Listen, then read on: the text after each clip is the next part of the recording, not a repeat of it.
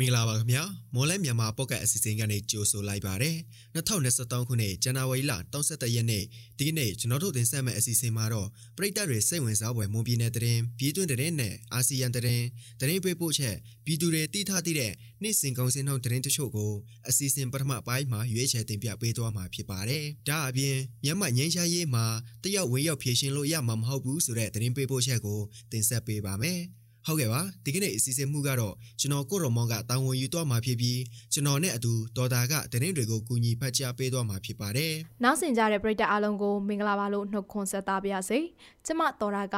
ကိုရော်မောင်နဲ့အတူကူညီတင်ဆက်ပေးသွားမှာပါ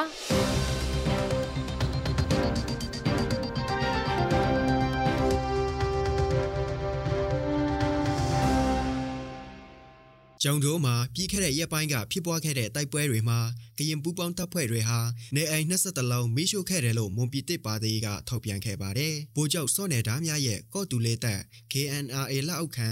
Lion Battalion Commando ဗျူဟာစစ်ကြောင်းနဲ့စစ်ကောင်စီတပ်တွေဟာပြီးခဲ့တဲ့ရက်ပိုင်းကမွန်တိုင်းရင်သားအများစုနေထိုင်တဲ့ကန့်နီရွာနဲ့အနီးဝန်းကျင်ရွာတွေမှာတိုက်ပွဲဖြစ်ခဲ့ပြီးအဲ့ဒီဖြစ်စဉ်ကိုမွန်ပြည်တစ်ပါတီကကွင်းစင်းဆောင်ဆန်းခဲ့တယ်လို့ဆိုပါတယ်။ တိုက်ပွဲဖြစ်စဉ်ကာလမှာလိုင်းယွန်ဖွဲ့ကကတ်နီယောကနေအိမ်23လုံးမိရှို့ခဲ့ပြီးစစ်ကောင်စီတပ်ကလည်းလက်နက်ကြီးတွေပစ်ခတ်ခဲ့တာကြောင့်ကတ်နီယောကနေအိမ်3လုံးညောင်ရိပ်ကျေးရွာကနေအိမ်1လုံးတရက်တော်ရွာကနေအိမ်9လုံးပျက်စီးခဲ့တယ်လို့မွန်ပြည်တစ်ပါတီကကြေညာချက်မှာဖော်ပြထားပါတယ်။ဒါအပြင်နှစ်ဖက်တပ်များဟာ ကတ်နီရွာဝန်းကျင်ရှိညောင်ရိပ်တာရွာမှာလည်းတိုက်ပွဲဖြစ်ခဲ့ပြီးနှစ်ဖက်ပစ်ခတ်မှုကြောင့်နေအိမ်18လုံးမိလောင်ခဲ့တယ်လို့ဖော်ပြထားပါတယ်။နှစ်ဖက်တပ်တွေဟာ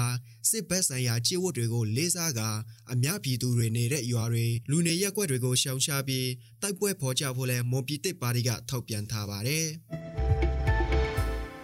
နိုင်ငံရေးအရကြိုးပမ်းမှုလမ်းတွေပိတ်သွားတာ ရက်တန့်နေတာကြောင့်လက်နက်ကင်ခုခံတော်လှန်ရေးပေါ်ပေါက်လာတာဖြစ်တယ်လို့ကရင်အမျိုးသားစီယုံ KNU ဥက္ကဋ္ဌဗိုလ်ချုပ်ကြီးမူတူစေဖိုးကပြောပါတယ်မနေ့ကကြာရောက်တဲ့94ချိန်မြောက်ကရင်အမျိုးသားခုခံတော်လှန်ရေးနေ့အတွက်ပြောကြားတဲ့မိန့်ခွန်းမှာသူကပြောကြားခဲ့တာပါ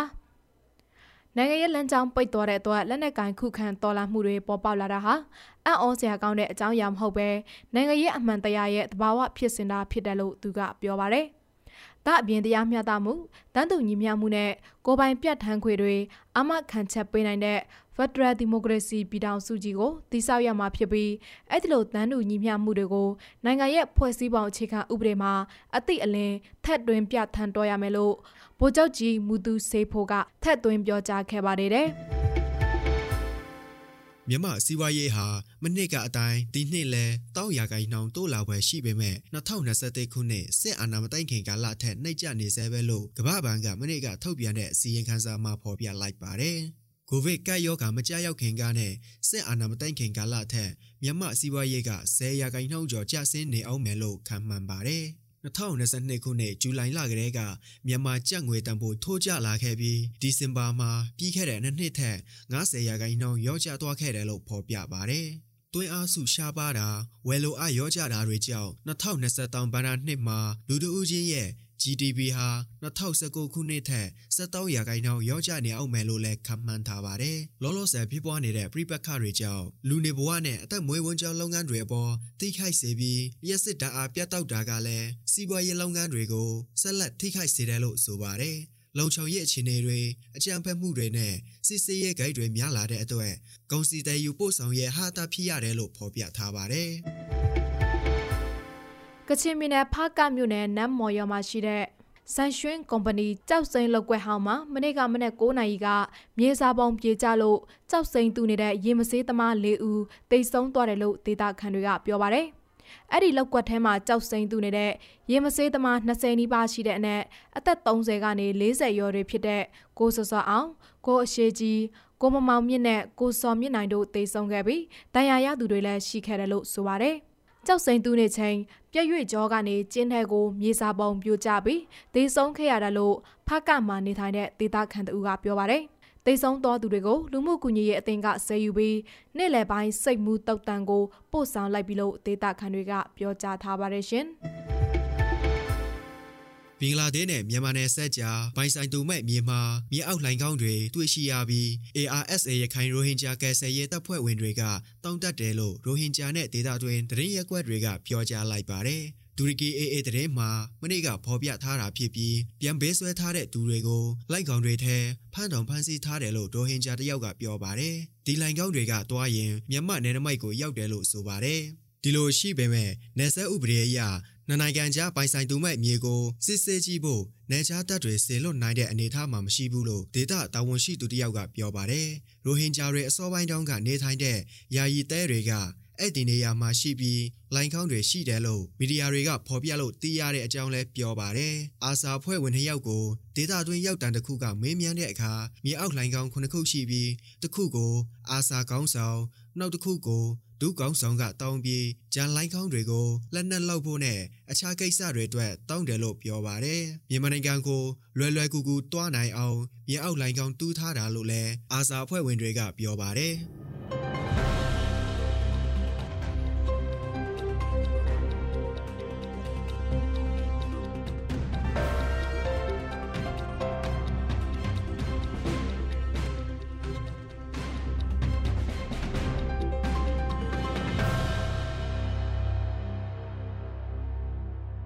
ဆက်လက်ပြီးပြည်သူတွေသိထားသည့်တဲ့နှစ်စဉ်ကောင်စီနှုတ်သတင်းတချို့ကိုမော်လမြိုင်ကောင်စီတိုင်းကအချက်လက်တွေကိုအခြေခံပြီးကျွန်တော်ကိုတော်မောင်ကတင်ဆက်ပေးပါအောင်မယ်ဒီကနေ့ထိုင်းနဲ့မြန်မာငွေလဲနှောင်းကတော့ထိုင်းဘတ်85.5တိဝယ်ဆဲရှိပြီးတော့ရောင်းဈေးကတော့89.25ရှိနေပါတယ် ဒေါ်လာဈေးကတော့အမေရိကန်ဒေါ်လာကိုဝယ်ဈေးမြန်မာငွေ2840ရှိပြီးရောင်းဈေးကတော့2860ရှိပါတယ်။ရွှေဈေးနှောင်းကတော့မီလင်16ပဲ့ရေတရက်သားကိုရန်ကုန်ရွှေအသင်းဒီနေ့ဈေးကွက်မှာတော့22တိုင်ဝန်းကျင်ရှိနေပြီးအပြင်ပေါက်ဈေးမှာတော့28တိုင်အထက်မှာရှိနေပါတယ်။စက်တောင်းစီတွေကတော့ဒီဇယ်တလီတာကို2455ကျပ် အောက်တန်း62တလီတာကို2260နဲ့65တလီတာကို2340အထိရှိနေတာပါစံစေးတွေကတော့အကောင့်စားပေါ်ဆောင်မွေ108ပေါင်အမြင့်ဆုံးကို6200ကျပ်အလဲလာတန်းစာမျိုးစားပေါ်ကျွဲ108ပေါင်အနှိမ့်ဆုံးကို9400ကျပ်နဲ့အမထဆန်တွေကတော့108ပေါင်အနှိမ့်ဆုံးကို49500နဲ့အမြင့်ဆုံးကို49500ရှိနေပါတယ်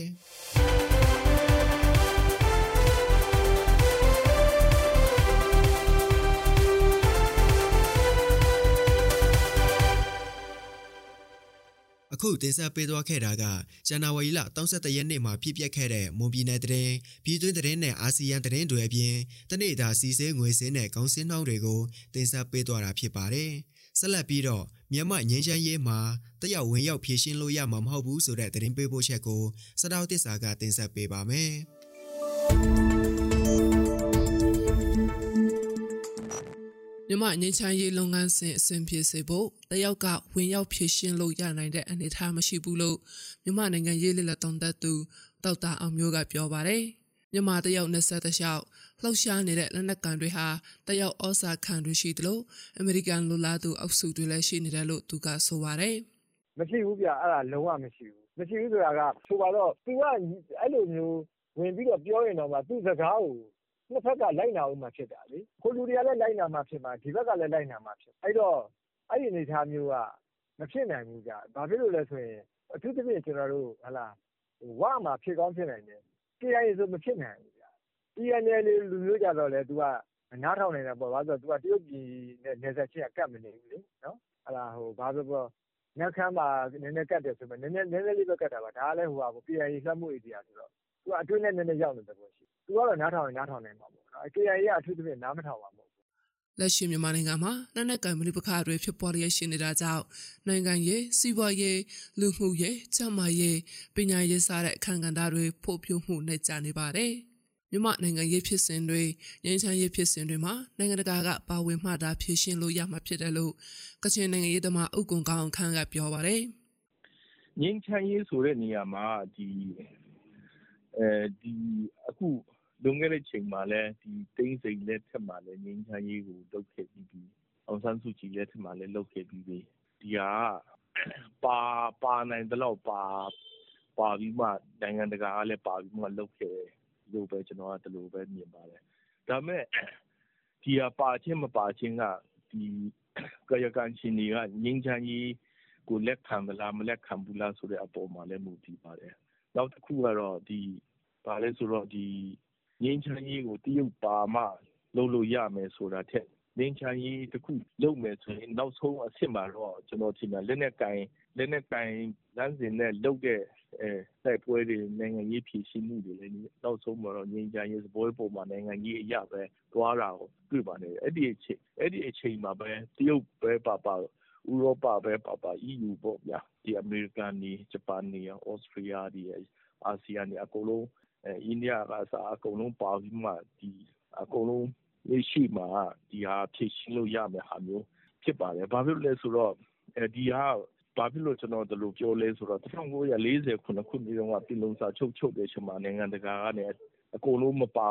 ဟိုပါပေါ့တစ်တီတွေမပါခဲ့လို့ အခုလှုပ်ချင်လို့လှုပ်တဲ့အပိုင်းတွေလည်း အခုနောက်ဆက်တွဲတွေက ပြဿနာအများကြီးဖြစ်လာတယ် ဒါကြောင့်မလဲဒီဟာတွေကအဲဒီတခုအလုပ်လုပ်မယ်ဆိုရင် ငြိမ်းချမ်းရေးဖြစ်ဖြစ် နိုင်ငံရေးတွေ့ဆုံမှုပဲဖြစ်ဖြစ်လုပ်မယ်ဆိုစီရေးပဲဖြစ်ဖြစ်ပေါ့ အကုန်လုံးပါပြီးမှ ဖြည့်ရှင်းတာအကောင်းဆုံးပဲလို့ပဲကျွန်တော်က ဒီလိုပဲမြင်ပါတယ် တရားမြန်မာနှစ်နိုင်ငံနယ်မိုင်မှာမိုင်ပေါင်1300ကျော်ထိဆက်လျက်ရှိပြီးနယ်ဆက်အနီးမှာရှမ်းပြည်ပြန်လည်ထောင်ရေးကောင်စီ RCSS SSA ကချင်လူလိုက်ရေးတမတော် KIA ရှမ်းပြည်တိုးတက်ရေးပါတီ SSPP SSA